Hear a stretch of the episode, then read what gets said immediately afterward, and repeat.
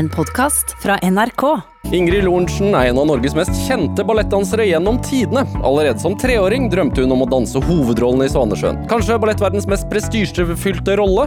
Og 27 år og mange skader seinere gikk drømmen i oppfyllelse. Nå er det hun som er ballettsjef ved Den Norske Opera og Ballett, og det er hun som vet hva som skal til for å nå toppen.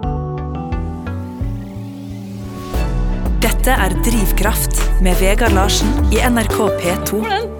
Salutt, liksom. Salutt, ja. Var det ikke hyggelig? Ja, det Veldig hyggelig. Jeg begynte å svette i hendene. Ble veldig glad.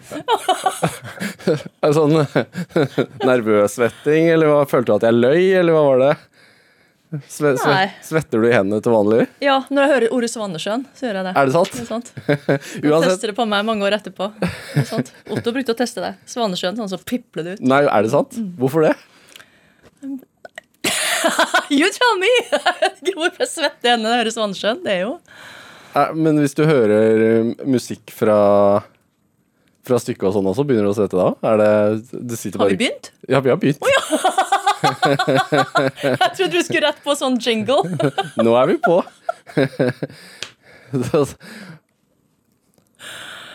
Du, jeg svetter når jeg hører musikken, særlig den eh, åpningsmusikken til Odette når hun skal gjøre sin entré. ja. Da svetter jeg, og det her Det slutter liksom aldri. Det er et eller annet som, som oppsto. Det er jo en veldig, veldig skremmende oppgave. Fordi at det er så mange måter å bomme på hele tida. Altså hvert trinn. Og det er så ekstremt gjennomsiktig. ja. Hvor mange det- trinn er det? Nei, du, man må ikke telle sine trinn. Nei, det må man ikke. Det er mange, mange. Det er fire akter. Så det, det er mange trinn, da. Men, men altså, for, for folk som aldri har, eller, aldri har prøvd å danse ballett, kan du, kan du forklare meg hvorfor det er så vanskelig? Og du sier sånn, man må aldri telle trinn. Hvorfor må man ikke det? Skal, altså, det som er vanskelig med ballett Ja. Altså, for det første så er jo alt det her yrkeshemmeligheter, for det skal jo ikke se vanskelig ut. Det skal se lett ut. Ja. Men det er en veldig veldig nådeløs kunstart. For du treng, alle tenker sånn Jeg er ikke noe ekspert på det, så jeg ser ikke om det Jo, du ser det. Du, hvem som helst, kan se det. Du ser den skjelvingen i beinet. Du ser så innmari godt forskjellen på det som er skikkelig bra, ok, og ikke dårlig. Og dårlig. Og det er, det er jo forferdelig, for det er ganske mye annet her i livet du kan dekke opp, også innen dans. Ja. Men den der helt klassiske, når du står der på det ene beinet på den tåspisskoen Nei, vet du hva, altså. Det, det, det, man, Åh, man, kan, ære være. man kan ikke skjule en piruett som ikke går rundt. Du kan ikke det. Nei. Men jeg var en gang på Nå begynte vi rett på Ingrid Lorentzen. Altså, det er veldig hyggelig. Vi, eh, Men Jeg venter fortsatt på den jinglen som skal komme. ja, den har vært allerede, den jingeren. Jeg satt og småprata litt mens det kom sånn bakgrunnsmusikk. Eh, jeg, jeg var en gang på uh, Olympiatoppen hadde et samarbeid med Operaen. Ja. Eh, og der var det en, eh, en kollega av deg som, som fortalte om dette med å, å memorere trinn. Ja, Stine Østvold. Ja, riktig. Mm. Altså Nå skal ikke jeg gjenfortelle det. det. hun sa. Nei, for det kan jeg ikke. Jeg husker jo ikke lenger hvordan du memorerte. Nei, men hvordan har du memorert det? Altså, fordi du sier sånn som Svanesjøen, når du bare hører ordet, så så begynner du å svette i hendene. Altså, hvordan, og så sier du man skal ikke telle trinnene, men hvordan gjør man det da?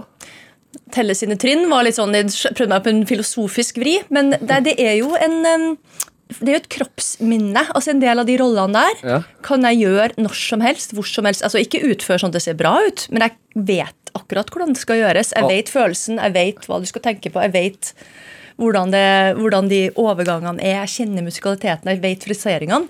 Og det slipper aldri. Det kan jeg gjøre også fra små snutter. Jeg dansa da jeg var ti år. Så kan jeg det nøyaktig den dag i dag. Og det er litt som de der rim du har lært når du var liten. Ja. Eller en sangtekst.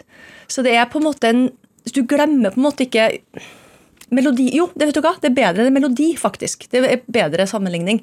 For du glemmer kanskje teksten på 'Ja, vi elsker', men kanskje ikke melodien. Nei.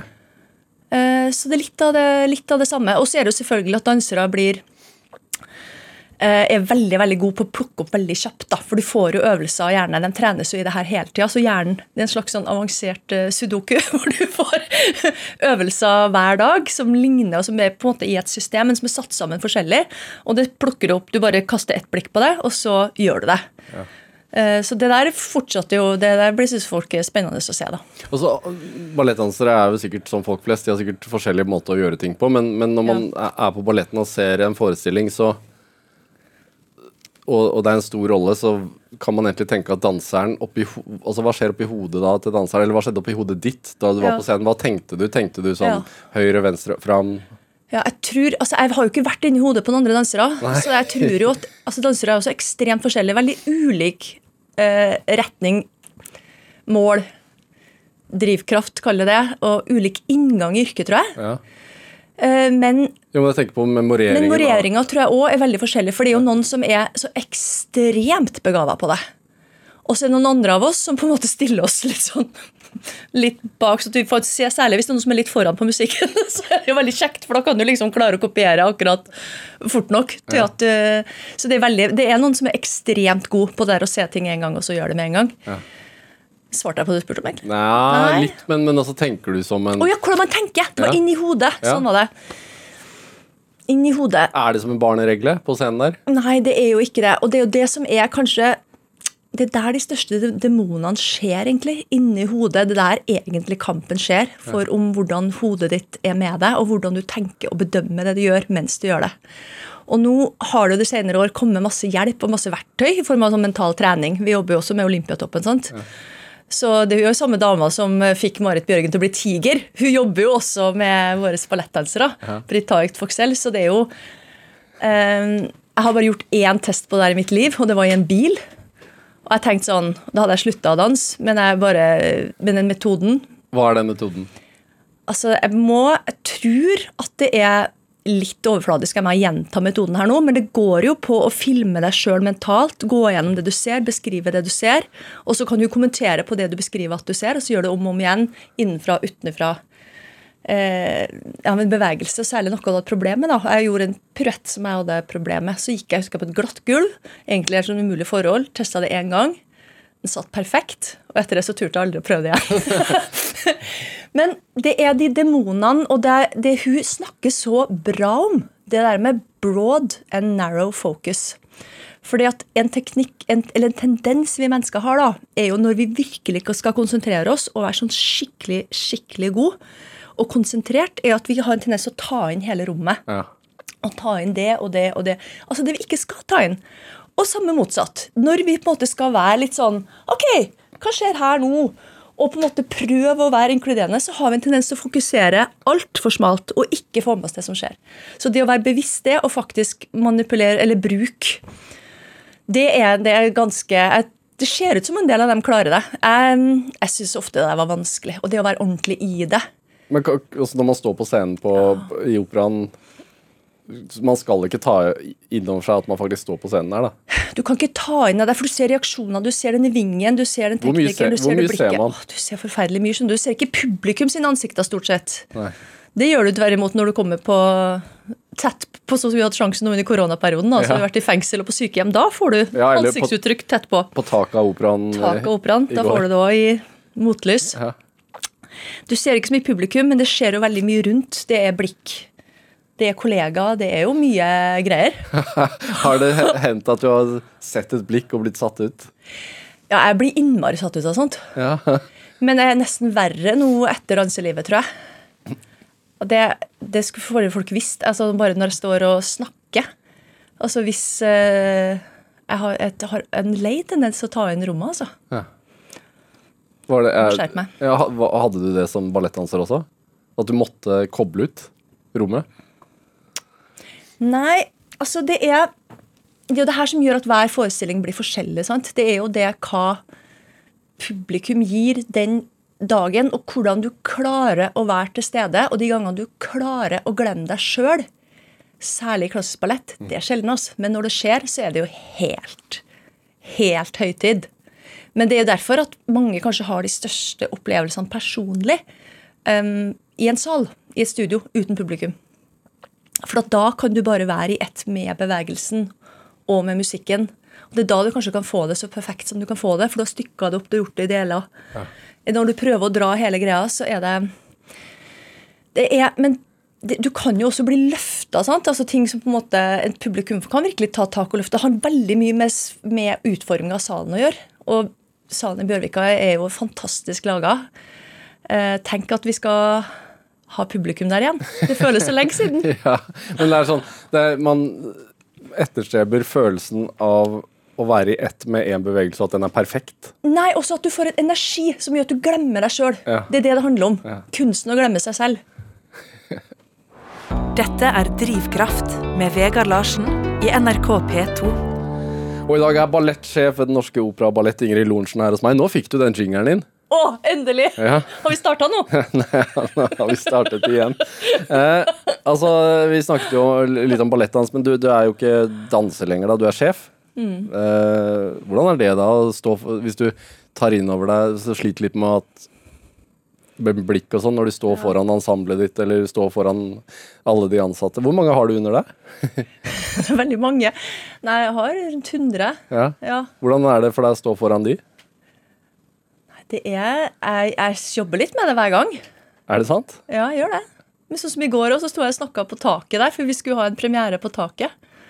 Og det jeg er da opptatt av, er at Ja, jeg på, synes på liksom, taket, da snakker du om på taket av Operaen i Oslo. Skal sette det litt i kontekst, ja. Vi Ja. en premiere på taket av operaen. Den første virkelige premieren etter eh, operaen ble stengt ned. Og med publikum, for det var den første dagen det er lov til å ha 200 publikummere, og da hadde vi det. Og da skulle jeg på en måte bare prate litt først og ønske velkommen, for det var jo faktisk en ny scene vi innvia òg. En ny spillplass.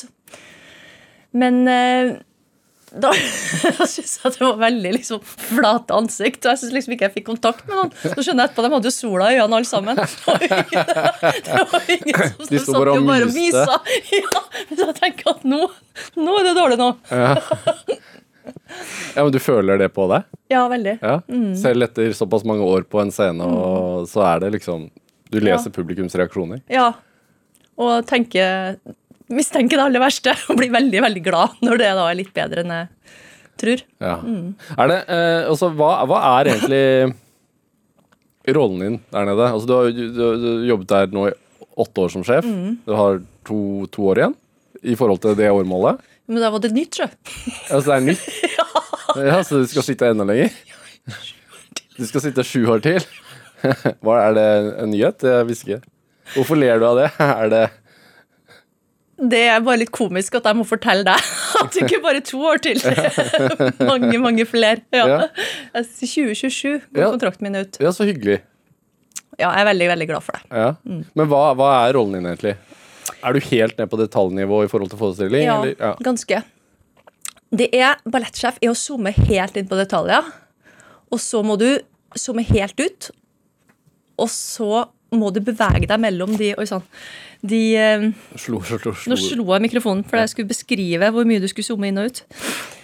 Men du må bevege deg i veldig, veldig mange ulike virkeligheter i løpet av en dag. Det er over 70 dansere.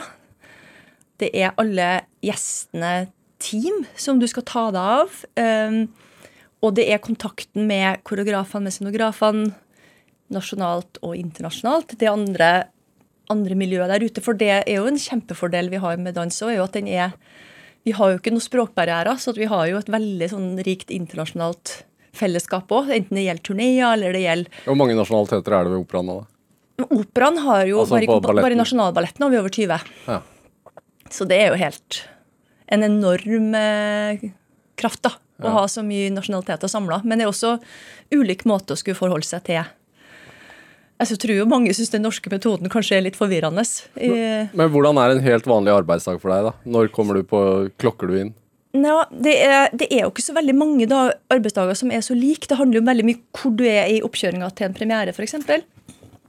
Det er Altså det Bestanddelene kan jo være alt fra medarbeidersamtaler, morgenmøter, planleggingsmøter, forestilling på kvelden, oppfølging underveis. altså Hva skal jeg si? Det er, det er lange Det er mye greier. Det er lange dager. Så du er jo en Så jeg skal på en måte både ansette og passe på de danserne. Um, Ja, For du, du ansetter ja, og Alle? så skal, jeg- ja, og så skal jeg også ha ansvar da for det som skjer, altså det vi spiller, det vi kaller repertoaret. Men nå er det jo veldig viktig når jeg sier jeg, så er det jo virkelig ikke noe jeg gjør alene. Jeg er jo, altså Det er jo så til de grader teamarbeid. Altså Jeg gjør egentlig nesten ingenting alene. Så det er et så sterkt kollegium da, som, eh, som gjør de her, og for så vidt også vi diskuterer beslutningene og sånn, selv om jeg ikke kan skylde på noen andre enn meg sjøl, så er det, jeg har mange med meg. Men kan du gå inn og plukke hovedrollen, liksom? Eller er det noen andre som gjør? Det er jeg som gjør, ja. Ja. Det er et stort ansvar, da, i Ja, forhold til de menneskelige aspektene. Veldig. Ja. Enormt. Hva, hvordan er det for deg, da? Ehm, nei, vet du hva? Det her, jeg syns det er så vanskelig. Og det er, blir ikke lettere. Og det er det er det, er det å gå nok runder. For det er ofte sant, for sånn som jeg bare har det til og med i dag, for at jeg har lyst til å sette på fire besetninger, og så får jeg veldig klare tilbakemeldinger om at vet du hva, Ingrid, det er ikke det er ikke nok tid til å få på fire besetninger. Så mener jeg fire ulike par som skal alternere. For jeg vil jo at flere skal få øve på de beste rollene og det beste Nå, altså, du snakker jo fire besetninger og fire Ja, ulike par som skal skal Ja. alternere. Det, jeg skjønner, nå skjønner jeg ikke hva du Nei. sier. Nei. Det er for mye ballettlingo for meg nå. Ja, nå gikk jeg rett inn i liksom det jeg holdt på med på vei hit i dag. På et eksempel. Så vi skal sette opp en klassisk ballett. Da er det en hovedrolle, eller gjerne to hovedroller. En kvinnelig og en mannlig. Og da er det jo sånn at vi har et system hvor det er flere som deler på de hovedrollene. Og det kaller vi besetninger, eller cast. Og så er det jo sånn at en ballettsjef da gjerne prøver å pushe på flere cast, for da får flere sjansen. Og da blir det en sånn stimuli i kompaniet. Samtidig, da, hvis det er flere, og du er akkurat den som ikke får, så blir det kanskje enda verre. Og jeg vet hvor hårfint det er forskjellen på å da få muligheten og ikke få muligheten. sant? Og så har det så ekstremt mye å si for den det gjelder. Ja, for det har du merket på selv. Ja, ja, ja. Det her, er, det her, det her vet jeg, og det vet vi alle sammen. Du, du sa noe om den norske metoden eh, kontra noe annet. Hva, hva vil det si? det er jo at vi er jo ikke veldig hierarkisk, men det er en veldig hierarkisk kunstform. Ja. Og det er jo heller ikke feil å si at opp gjennom tidene så har det liksom nesten en sånn militær rangordning, veldig klare inndelinger, hvor du på en måte har navn, tittel etter hvor du er på rangstigen. Og en ganske sånn Litt fryktkultur, kanskje, eh, vil det jo fortsatt være mange plasser. Og mange kommer fra ganske sånn strenge regimer. Og her vet du, så snakker vi om tillit, og vi snakker om dugnad og solidaritet, og nå skal alle bidra. Og det er jo sånn da, at når du kommer hit til Norge, så er det så altså du, kan jo ikke ha dansere som må presses til å gjøre noe. De må ha den drivkraften sjøl. Det er helt, eh, men mange har jo blitt pressa ganske hardt, og kanskje har det er forskjell på hvor mye som kommer innifra, og hvor mye som faktisk er påført. altså. Hvilke nasjonaliteter du Skal ha meg til å sitte her og kategorisere? Skjer ikke. Jeg bare lurer på hvilke nasjonaliteter som syns den norske metoden er mest overraskende. Alle. Eh, Nordiske har vel større, men, men samtidig så Man hører jo liksom om at det er tøft i Russland, f.eks. Jeg vet ikke, jeg. Amerika er steintøft. Ja. Ja, virkelig. Det er helt tatt. Verden er et tøft sted, Vegard Larsen. Ja, du har, vært, du har, har, har jo vært i, i USA selv. Ja. men hvordan er det tøffere der enn her? Med ballett. Ja. Jeg tror det kan ha med um, at dansen ikke er så Har ikke så lange tradisjoner her i Norge. Ehm, og at vi er et, en relativt ung nasjon på mange måter. Også kulturelt. Når det kommer til hvert fall en ting som importgreier som klassisk ballett. Så er det noe med at det er en del ting som ikke er så nedarva. da, System, Vi har ikke noe adelskap. Det kommer jo fra det. sant? Det er derfra hele Solkongen Det er jo der balletten kommer ut ifra. Sånn at vi har egentlig en fantastisk mulighet. Jeg husker en dansk kollega- ballettsjefkollega sa til meg men Ingrid, du kan jo gjøre hva du vil. Og da skjønte jeg plutselig hva han mente. For at også for hvert land, Danmark, England, de har sånn veldig sterke um, føringer på hva de må gjøre, for de har den og den koreografen og sånn og sånn som du må. Og her har vi en helt annen type frihet. Altså, det er et fantastisk land å få jobb i. Og er det noe jeg har tatt med meg denne tida, med alle de kollegaene jeg har tett på, og alle de historiene og familiene For at verden kommer så tett. da, Du sitter jo der på Zoom, men de sitter dans, veldig mange dansere dro jo også hjem når vi stengte ned Norge. Vi visste jo ikke hvor lang tid det her ville ta. og jeg tenkte at det er viktig at de i hvert fall får lov til å være, får muligheten da, til å reise og være sammen med familien sin når det her ramme sånn. Det, Men, er det en selvfølge i ballettverdenen? Altså, har det også vært greit annet på andre Nei, veldig ulikt hvordan det har blitt uh, ja. tolka. Men det er klart man reagerer. Det var jo, vi hadde jo kort tid på å gjøre de beslutningene. Ja. Så det er jo um, Nei, folk har reagert veldig, veldig ulikt. Men hvordan har det, altså, hvordan har det vært? Altså, jeg tenker på korona når du har vært sjef for sjef der nede, og du har dansere fra hele verden. og mm uten familien nær seg, hvis mm. man velger å bli. Da, og så har man, Noen har kanskje også øvd og øvd mm. uh, på en stor rolle, og så blir det kansellert. Mm. Og så veit man jo ikke Kanskje det var den eneste sjansen de hadde uh, på en så stor rolle, fordi det er, mm. tar lang tid før det blir satt opp igjen. Altså, hvordan har du pratet med, med danserne om dette her? Jeg kjenner at jeg har mange samtaler igjen fortsatt. Ja. Uh, jeg har vært så heldig å fått vært sammen med en god del av dem. For vi har hatt så mange av de her små turneene. Vi har dratt rundt med en buss, og jeg har jo vært med sjøl rundt på det. Og da Ja, for du har satt i gang at dere har mange, hatt mange små øh, fremvisninger rundt omkring? Ja, vi starta på frigjøringsdagen 8. mai, og etter det så har vi hatt et telte 44 forestillinger rundt omkring i landet. Vi har vært på toppen av et fjell, og vi har vært på dansa for barnehagebarn og skolebarn og sykehjem og fengsel og institusjoner. og Det har jo vært eh, en sånn tid hvor så mye er meningsløst, så har vi på en måte blitt dratt baklengs ut av sjølopptattheten, tror jeg, i å få lov til å holde på. Vi har vært sånn ordentlig takknemlige, vi som Jeg tror vi har delt den opplevelsen, både danserne og jeg. Så det har vært en måte jeg har liksom fått vært sammen med dem på. Men det er noen, ikke sant. Så jeg, jeg Vet du hva? jeg skal søren meg gå hjem så skal jeg ta en ordentlig ringerunde og høre hvordan, det, hvordan de egentlig har det. Hm. Er, det. er det viktig i forhold til at et sånt kompani skal fungere? At man stiller det spørsmålet noen ganger? Ja. Det vil jeg si. Ja. Og det er én ting å gjøre det på fellesmøter og i brevsform eller på Zoom, men det er jo en, en av de tingene som det her har tatt med seg, er jo at det er tatt fra oss menneskelige møter.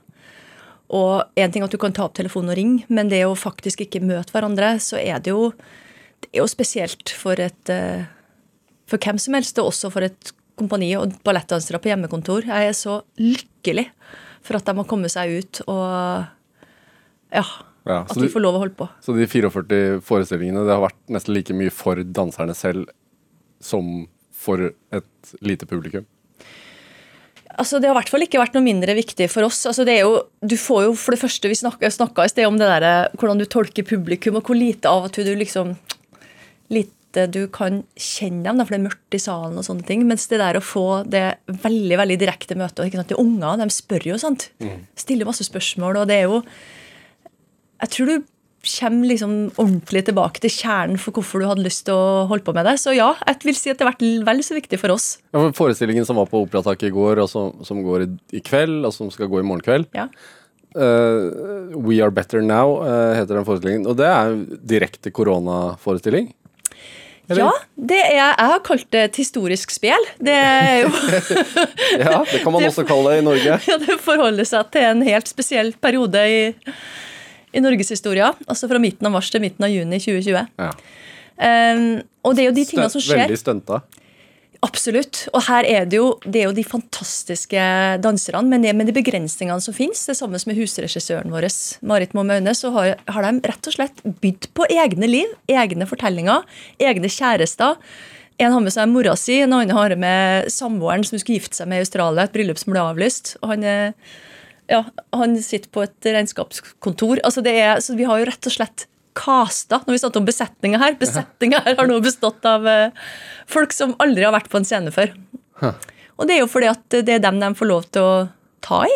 Vi har jo inntil nå for to dager siden ikke fått lov til å ta i hverandre med mindre vi bor sammen. Ja. Så da lager vi forestilling ut fra det. Hva, hva tenker du at den uh, sier om uh, perioden danseren har gått igjennom? da? Det sier ganske mye. Eh, Det er jo òg En av danserne som er med i forestillinga, heter Shakir Mohamad. Han er fra Brooklyn. Han har en tvillingbror, og det skal egentlig være historie her om den tvillingbroren. Um, Og han er atskilt fra familien sin. Foreldrene blir syke. Mora mister sju venner i korona. Um, men så skjer jo det andre. sant? Så skjer jo Black Lives Matter underveis nå mens de holdt på å lage det. Og så plutselig en dag så holder Shakir en tale for to stykker i den ene ballettsalen. Hvor han bare plutselig så er han en folketaler. Han snakker om hva mener vi at det er fem minutter, det har vært 600 år. Han snakker om Martin Luther King. Han snakker om alle de tingene. Nå skjønner du for et politisk hjem han har vokst opp i. sant? Som eh, svart muslim i USA. Og så er det han som lager musikken. Nei, Joey deler leilighet med Shakir. Så han driver og står og fomler, så han tar opp den talen. Og så er han redd at Shakir skal bli sur for det, men det er han ikke. Og det har nå blitt soundtracket til forestillinga, hvor han da danser til sine Det er, det er hans egne ord, da. Hvordan er det for deg å se det? da? Nei, det er heftig, altså. Ja. Er det, når, du, når dere får til å fortelle den historien gjennom dans og på operaen, er det Føles det nesten bedre for deg? det er veldig førende, ledende spørsmål her. Men mm. hvordan er det, er det bedre nesten enn, enn en perfekt Svanesjøen-forestilling? Vet du hva? Livet rommer mangt så mangt, og det gjør også en, et kompani, en institusjon, et teater som vårt. Sånn at det er Jeg tror jo litt av Jeg elsker liksom den, den driver i å prøve å få til Svanesjøen så fint. Og den uka, bare en uke her så har jeg liksom fått oppleve de der optimale, klassiske øyeblikkene i utendørs og se hva som skjer når vindkastene tar tak i tyllskjørtene, og det rasler mellom trærne, og det er Jeg har fått den der følelsen av at Herlighet, vi skal ikke bare trekke folk inn. vi skal faktisk, Det er ikke bare det å komme ut, men det er faktisk dans ute. Ballett ute er helt uovertruffent.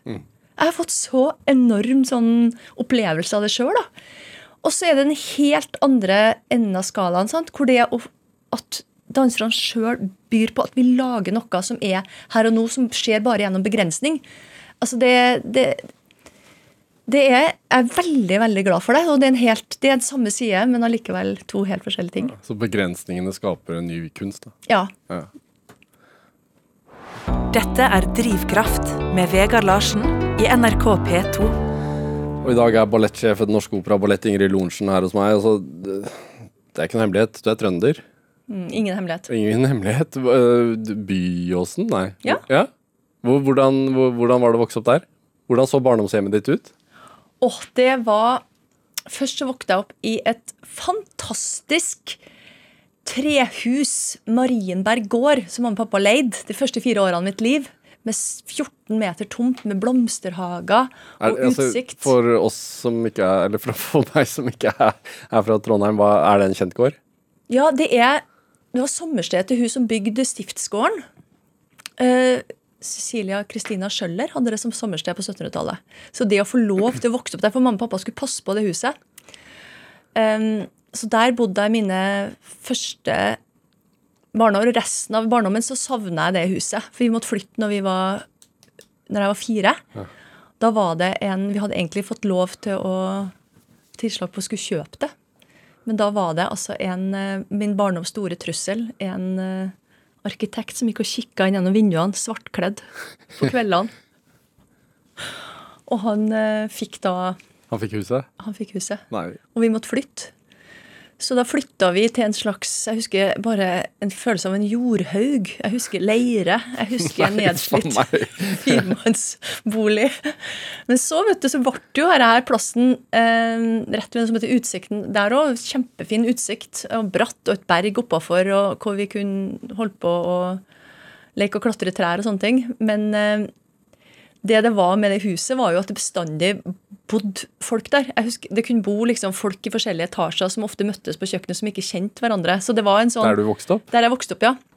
Mamma og pappa var veldig Er det sånn hippiehus? Nei! Nei, nei, nei, nei, nei. Nei. Fins ikke hippie. Det her er jo ordentlig Det her er jo høyskolelektorer. Ja. Eh, som, og det er ikke en dråpe alkohol. Det er ikke noe Altså, det er et ekstremt trygg plass å vokse opp, da. Ja. Så det fins ikke hippie. Det er bare veldig mye folk. Det er bare veldig mange på besøk. Men, og en eh, men det bodde masse forskjellige mennesker hjemme hos deg? Altså, en matematikklektor i kjelleren Ja. som bor i Selbu. Så det er for langt til han å dra hver Ja. helt fram og tilbake til Selbu hver, så overnatter han jo en gang i uka. En eh, teatersjef som vi har møtt på en, som ikke har fått seg en leilighet ennå, som skal flytte til Trondheim, som ikke kjenner noen. Han bor et annet sted. De møter, det er en sånn historie om de møtes og tar seg brødskive, og ingen hilser. Og tidlig om morgenen, og ingen vet om den andre. Så var, døren var åpen hos dere, med andre ord? Ja, jeg, jeg tror i hvert fall alle visste hvor den nøkkelen, eh, hvor den nøkkelen lå. Og så er det veldig Altså, du kan kalle det frodig, det var det absolutt, men også veldig, veldig rotete. og veldig mange ting. Vi gjorde en opptelling på antall par ski. Hvor, hvor mange par ski vil du tro at en familie på fire kan ha? Nei, siden Hvis du du- teller. Nei, kanskje altså, vanligvis fire eller åtte, da, jeg vet ikke. Det ble telt, opptelt over 100 par. Nei, nei Og det er kontrabasser, det er sekkepiper, det er sko i alle fasonger. Hvem er uh, hamsteren? Det, det, var, det var, kombinasjonen var jo helt eh, håpløs. Pappa helt, altså, og med mamma. Det var den kombinasjonen av dem som fikk sånn ekstremt mye.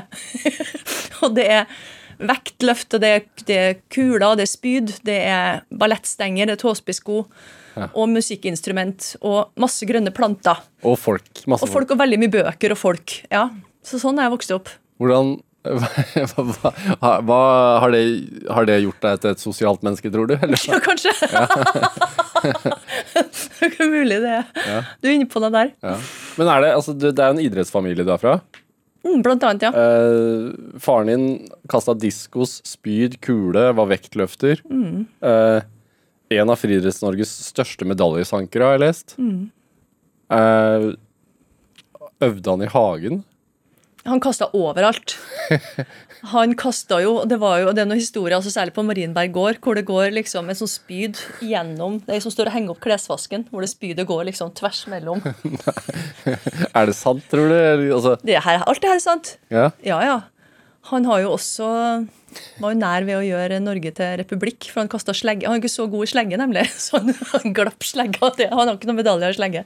Han glapp slegga. Han gikk gjennom eh, Kringsjå, gjennom eh, glassvinduet på den store, nybygde eh, Kringsjåhallen. Der kasta kronprinsen holdt på med hø- Høres ut som en sånn eh, romanoppvekst. Dette. Ja, men det, er alltid sant. ja. er det, og moren din var håndballspiller, god i håndball?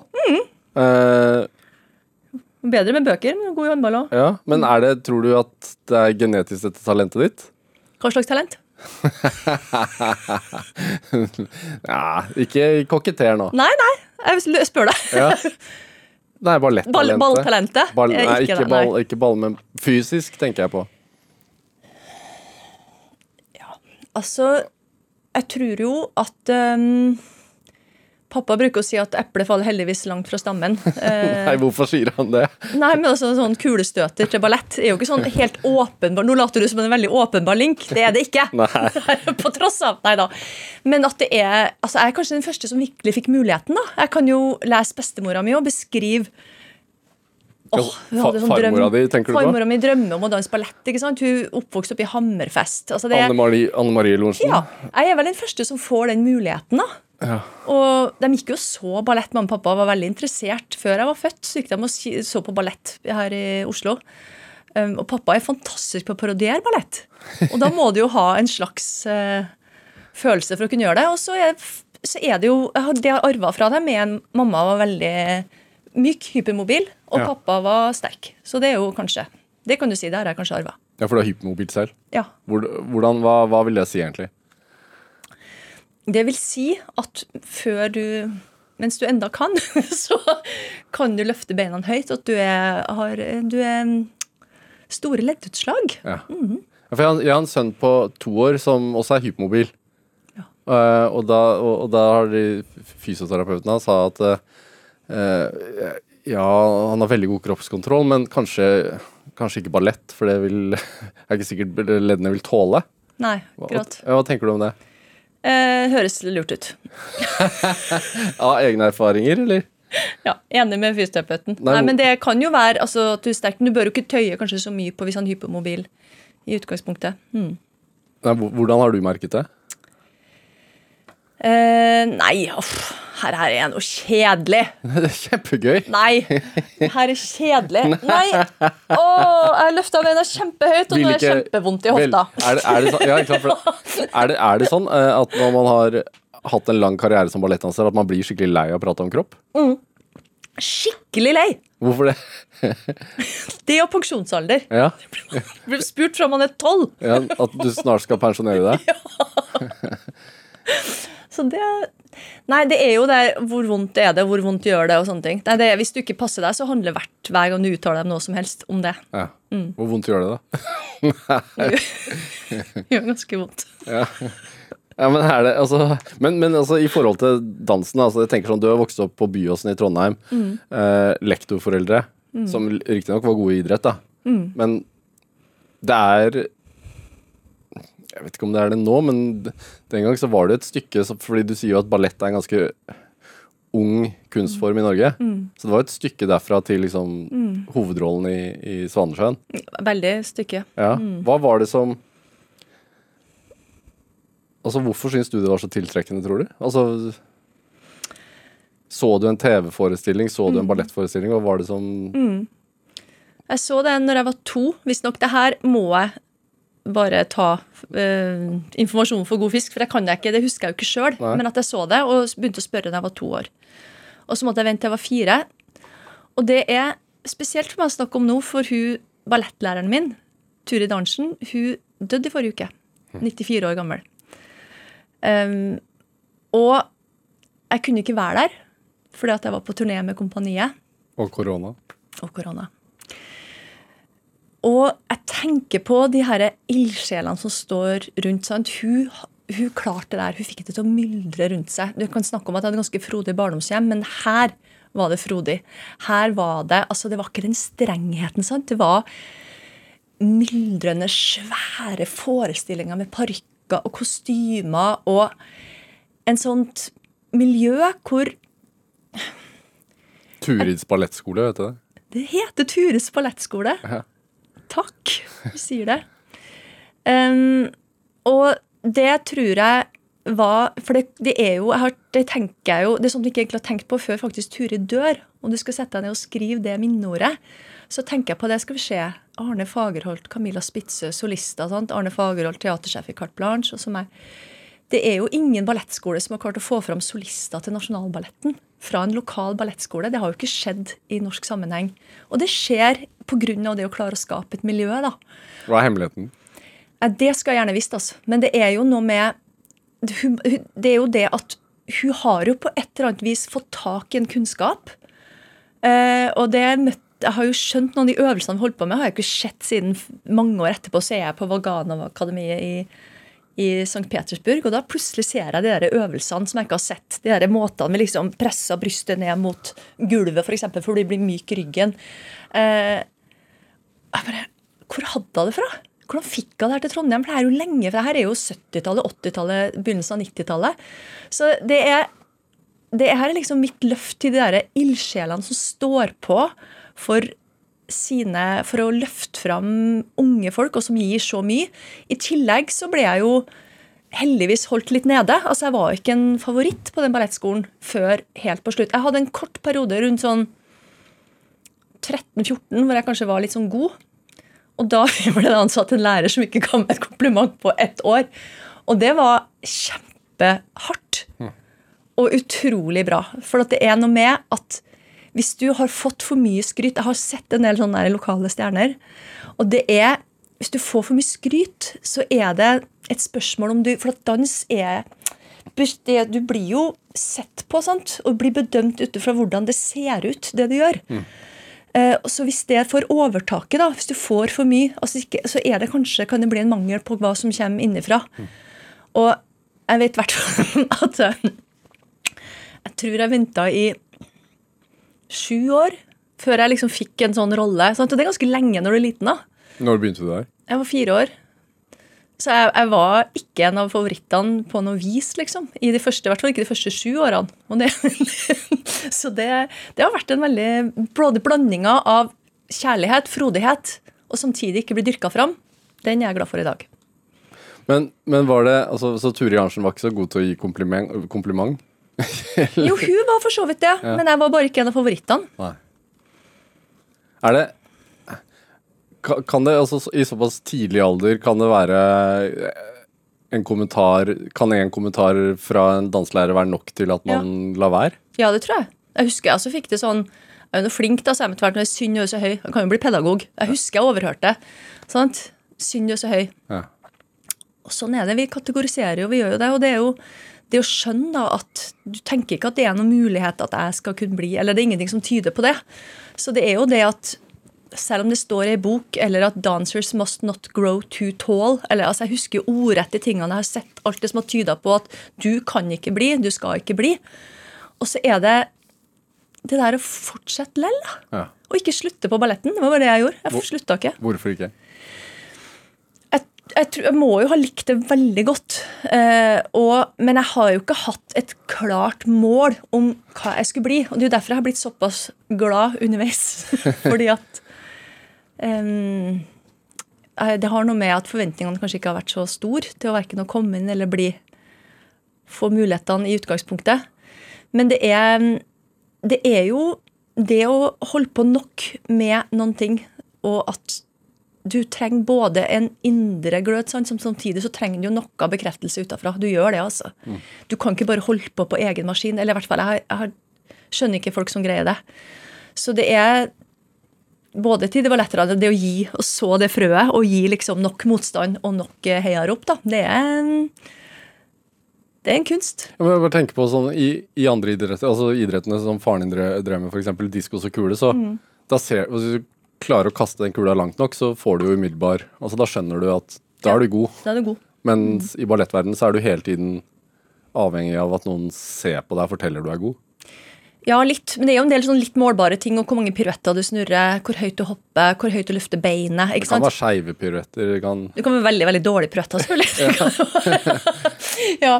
Nei, det er, men det er en, dansen har jo sånn tendens, særlig med Instagram og Facebook, altså, til å bli mer og mer sånn em, prestasjon, da. Og se liksom de ekstreme prestasjonene. Og det gjør jo det. Det er noe som er jo flere med meg er litt bekymra for. At folk bruker for mye tid på en skjerm og ser på de andre i stedet for de årene og den tida vi brukte på oss sjøl. Ja. Og jobba med oss sjøl.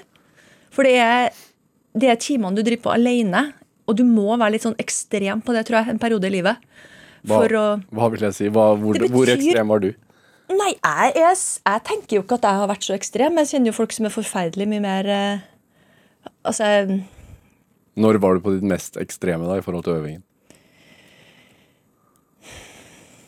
Jeg tror jeg Jeg tror jeg øvde ganske mye Ganske lenge, egentlig. Men de der årene, kan du si fra 16, 17, 18, da. Du bor i Trondheim, og du har du vet at du har to-tre år på å komme deg fra et lokalt til et nasjonalt til et internasjonalt nivå. Det, da må du jo stå på.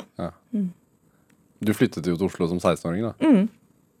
Så du, det er ikke deg du snakker om nå? Nei, men jeg hadde jo de tre årene på meg. Ja. Det var jo et lokalt. Er, er det, altså det- Du sier jo det, at man hører at det kan være tøft, og øh, øh, altså Man hører jo om det at ballettmiljøet kan være tøft, at unge mennesker blir påført press, og fysisk og psykisk. Og har det Altså, når du har blitt sjef selv, har du hatt det i bakhodet? Ja, veldig. Ja. Jeg tenker jo at en av mine Det viktigste jeg kan komme med som sjef, er jo å ha kjent det på kroppen og vet hvordan det oppleves og vet hvordan det er å få høre ting om deg sjøl, og hvor mye det rammer. Jeg er veldig forsiktig med å kategorisere, altså. For jeg vet at uh, det fester seg skikkelig. Uh, og ikke minst sånn kroppspress. Uh, Ja. Det er jo forbudt i min verden å øve det presset på unge jenter Ja. spesielt. Det så det, det driver rett og slett ikke med, altså. Men så er det det sidelengse presset, sant? hvordan de plukker opp fra hverandre. Og den gruppedynamikken der. Så det er jo ikke Jeg kan ikke friskmelde bransjen på noe vis. Jeg sier bare hva jeg aksepterer og ikke. Og hva jeg står for. Men eh, jeg har jo et skikkelig prosjekt om en slags human topprestasjon. Ja. Og jeg gir meg liksom ikke helt på det. For det er ikke sånn. Det er hardt nok, altså. Det er slitsomt nok. Det må Du må være grei med andre, og vi er ikke noe bedre enn dårligste ledd. Og de beste folkene er også veldig ofte gode. Altså, det henger sammen. Det er rett og slett Det er vet du hva? jeg forventer at folk er litt sjenerøse. Tenker du at det kan være overførbart til andre Altså til andre firmaer sånn som ikke driver med Bare bruk de andre firma. Ja, ja. jo, jeg gjør det. Eh, Og det er, noe, altså det er både det å forvente at folk er litt sjenerøse, samtidig som jeg òg må øve meg på å være litt forståelsesfull og sjenerøs. Jeg tenker på den situasjonen vi har hatt nå i, med koronaen, sant? hvor du får også hvor folk har vært permittert. Eh, Det gjelder jo så mange i samfunnet. Det gjelder også ballettdansere, det gjelder kunstnere. det gjelder og ikke fått lov til å bevege seg, og karrieren er kort. Det er et press. Samtidig så har du liksom den verden, det som skjer rundt, som også melder seg. For det her, plutselig så er den bobla vår med balletten rommer veldig mye mer enn bare ballett. da. Og på godt og vondt. Og da må jeg òg forstå at det slår ut så forskjellig for folk. Um, man kan bli ja, jeg, det, Man kan rett og slett ikke dømme om hvordan folk reagerer. Jeg tror Men, men nå, altså, jeg tenker sånn, når du har vært ballettdanser i toppsjiktet sånn som du har vært, eh, og da antageligvis hatt et, altså et veldig sånn tydelig mål hele veien, som du har trent mot. Ikke, ikke, ett, ikke én forestilling, men altså, du har jo hatt Jeg tenker når du holder på sånn, så trener du jo for å bli god, for å Ja. prestere. Ja. Men jeg har ikke tatt, tatt sjansen på å sette meg mål, skjønner du. For jeg er veldig redd for sånn skuffelse. Er det sant? Ja, det er helt sant. Så du, Ikke konkrete mål. så du har ikke hatt et mål om å spille Odette? Nei. Jeg har hatt et ønske, Ja. men jeg har ikke hatt noe særlig trua på det. Jeg har ikke det, altså. Det er helt sant. Så det er Er, det, er det farlig, tenker du, å ha, ha mål, faktiske mål? Vet du hva, det her er jo høyst personlig. Jeg beundrer folk som har det, men jeg er litt for redd for skuffelse sjøl. samtidig så får jeg, når du ikke har så mye forventninger, så blir du også veldig veldig glad da, når ting går, og at det blir. og men sånn har det vært for meg. eller at jeg har vært for skifta, Mulig at det har vært et mål. Jeg hadde nok et mål sånn rundt når jeg var rundt 25, for da virka det litt sannsynlig en kort periode. Og så virka det ikke sannsynlig igjen. Og da er det noe med å skifte mål og se på andre ting. Og så er det jo, det har jeg også vært ærlig på, at akkurat det der er jeg glad for at ble noe av. fordi at det, du kjenner sjøl at Åh, Fader, ass. Det her man kan, Det nærmeste jeg har vært litt sånn bitter, faktisk. Sånn bitte litt. Hva, hva, hva, muligheten av at det ikke skulle bli noe av. hva, hva? Svanesjøen. ja, sånn at du, at du skulle få fremføre den, mener du? Eller? Ja. det ble det jo noe av. Det ble noe av. Ja. Var det sånn da at etter det at du tenkte sånn, ja ja, da kan jeg legge tå, tåspisskoene på hylla? Nei, da var det 'når skal det opp igjen'? Og når hva er neste? Hva er neste mål? Men hvorfor er du så redd for skuffelse, da? Har jeg ikke noe sånn kjapt og kjekt svar på. Nei. Har du noe, hvordan har du taklet det selv? Det er jo Jeg må tenke meg litt om, faktisk. Det, er, det er jo noe med hva som er realistisk. vet du hva? Det handler kanskje om å prøve å gjøre det man kan ut ifra der man er, de begrensningene man har, den situasjonen man har, og prøve å gjøre det så godt man bare klarer. Og det tror jeg kanskje at jeg har prøvd å ta med meg litt videre etter hvert òg.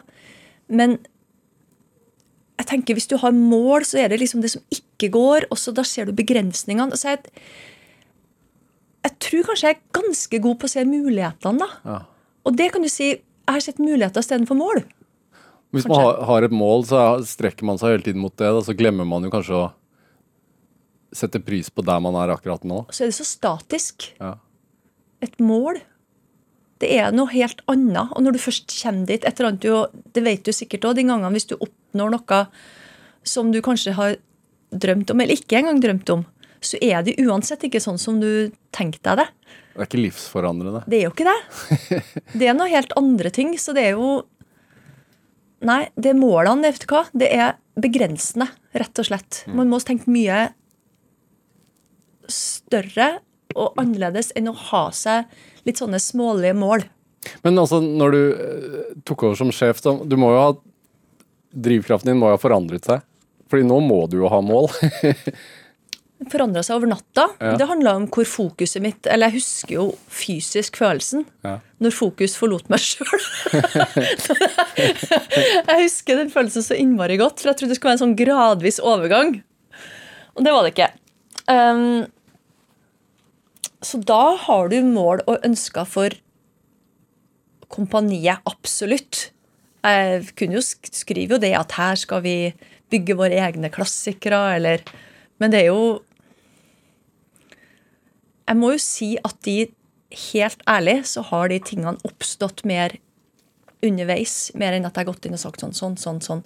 Men jeg har virkelig, virkelig prøvd å gjøre det så godt jeg bare kan. Men de beste tingene har skjedd. Det å være åpen når det skjer, og klare å plukke opp et eller annet. Men er det sånn altså, Jeg har sett på 'Mesternes mester' med masse gamle toppidrettsutøvere Mhm. som har eh, sanket gull her og der. Og da, jeg får jo inntrykk av at de savner det å gå renn, eller savner det å konkurrere mm. på høyt nivå. Eh, Blant de beste, gjør du det? Du, jeg har jo fått en ny person i fanget, liksom. eh, virkelig. Med det å få det herre Det her eh, gaven det er, da. Å få lov til å lage så mye forskjellig, og få lov til å jobbe med så mye fantastiske folk. Og, så det er jo, er jo i høyeste grad beskjeftiga. Så det, det oppstår kanskje på litt sånne andre ganger enn du kanskje ser for deg. Altså, det er mer det derre Vet du hva? En gang hvor det var ordentlig, en ordentlig dårlig natt, noen dårlige timer, vi var på Bolsjoj-teatret. Vi skal ha vår første forestilling på Bolsjoj av Hedda Gabler. Og så er det en rolle der som er normalt sett For det er en tante Julle. Hun er svartkledd, og hun er litt Altså, du skulle danse selv? Nei, hun ble Hun som skulle danse rollen, ble sjuk. Ja. Så vi måtte fly noen. Og det er klart at da er det For da har jeg det såpass Jeg har vært danser såpass mange år at jeg tenker at det der kan jeg egentlig. Og så er det bare samtidig at det kan du sannsynligvis ikke. Eller du vet ikke. Ja. Og det skal jeg gå inn nå og prøve på Bolsjoj, liksom. Og redde. Og så skjer det jo da For du var der som sjef? Ja, jeg var der som sjef. Ja. ja. ja. Og det, det, vet du hva? det egentlig egentlig om en skam. For at det her burde du klare. Og du burde bare gå inn og gjøre det. Og så er det samtidig da, er det riktig skal jeg nå gå inn? Og heldigvis så var det hadde vi Caroline Rocca som står og lager middag, som får en telefon. Så rekker vi det siste flyet, så ankommer hun klokka to på natta, lærer seg rollen. Og så blir det håndtert av en profesjonell. så det var bra. Men det var en sånn følelse av å ikke Da kanskje savna jeg det litt, og ikke bare kunne sånn ha det i kroppen og ikke Ja, være beredt, da. Ja. Være klar. Ble du litt skuffa over at hun kunne? Nei, vet du hva, det var jeg skikkelig glad for. Men det var bare dilemma før jeg visste helt om vi kunne, da. Som var vanskelig. Hva er det for man, har, altså, man må jo få et voldsomt adrenalinkick når man Ja. fremfører på scenen. Ja. Er, er det for, Blir det et savn av det? Du får, altså jeg, jeg kjenner liksom på at jeg får adrenalin på andre ting. Så det er, det er litt overførbart, faktisk, det adrenalinet. Ja. i hele tatt forholde seg til store menneskemengder, som jeg fortsatt må. Eh, Selv om jeg ikke gjør det jeg kan. Men tenker du at det er en fordel at du har, har den erfaringen i forhold til danserne dine selv? Tror du de stoler mer på deg, siden du har faktisk har danset mange av av stykkene selv? Det er veldig vanlig at ballettsjefer har den bakgrunnen, så jeg tror jeg ikke de tenker så mye på, Nei, egentlig. Nei. Um, nei, tror jeg Nei, helt naturlig. men, men hva er, hva er liksom uh, Altså, du, du har et kompani på 100 dansere. Og så, hva- hva- 70, da. ja, ja, det er 70 dansere, men er, dere er 100 til sammen, ish. Ja. Ja. Er det Det må ha vært nervepirrende når du tok over den. Nå er det jo åtte år siden. Ah, fy flate. Ja. Det var det, altså. Skikkelig. Ja, hva var du redd for da? Nei, men altså over natta å bli sjef for dine egne kollegaer. Det var jo det. Det var jo ikke noe overgang. Nei. Og det høres jo helt forferdelig ut når jeg tenker på det i dag. Og det var litt forferdelig òg, men det var ikke så gærent som man skulle tro heller. Så hva det var som var skummelt, var jo at jeg gikk inn med et sett med forventninger. Jeg husker at det var en sånn veldig optimisme rundt det. Og det jeg starter mitt første møte med å snakke om skuffelse. Og jeg skal skuffe dere alle. Det var en som minnet meg på det her om dagen. Ja, nå skal jeg skuffe dere alle. Én etter én. Ja, det husker jeg. Den der fallhøyden der å vite liksom, sant, hvor eh, personlig og hvor hårfint og hvordan det her Du kan prøve alt du har, og du får det ikke til helt bra sant, for alle. Forandret kollegaene dine seg mot deg? Ja, altså Jeg husker godt at jeg tok et sånt, jeg jeg tok et sånt Facebook-massakre. Hvor jeg sletta alle. Og så, to, så, tok jeg dem inn. Men tenkte jeg, nå må de få lov til å bli venn med meg hvis de vil. da, Ja. på, Under nye circumstances. Så det er klart. Nå merker jeg jo òg at mange av de som jeg har vært kollega med, de er jo nå i ferd med å forlate kompaniet. Generasjonene skifter fort. Så det jeg er veldig spent på hvordan den fasen blir. For da, skulle du si, da blir jeg kanskje sånn ordentlig sjef. Jeg vet ikke. Jeg, vet ikke. jeg lurer på det. Ja. Ja. Altså, er det øh, Du skal sitte til 27, sier du nå. Hva, hva, hva, er, hva er drivkraften til Ingrid Lorentzen? Jeg gikk og tenkte på det i morges. Det er, jo, det er jo sammen med andre. Det er jo det som er drivkrafta. Lage ting sammen. Vær sammen med andre folk. Eh, prøv å få til det beste du bare kan. Og ikke liksom tenk sånn Ja, det er sikkert greit nok. Det er ikke greit nok. Ingrid Lorentzen, tusen takk for at du kom hit til Drivkraft. Produsent i dag var Kjartan Aarsand. Linn Bølstad bidro også sterkt til dette programmet. Jeg heter Vegard Larsen. Vi høres. Du har hørt en podkast fra NRK. Hør flere podkaster og din NRK-kanal i appen NRK Radio.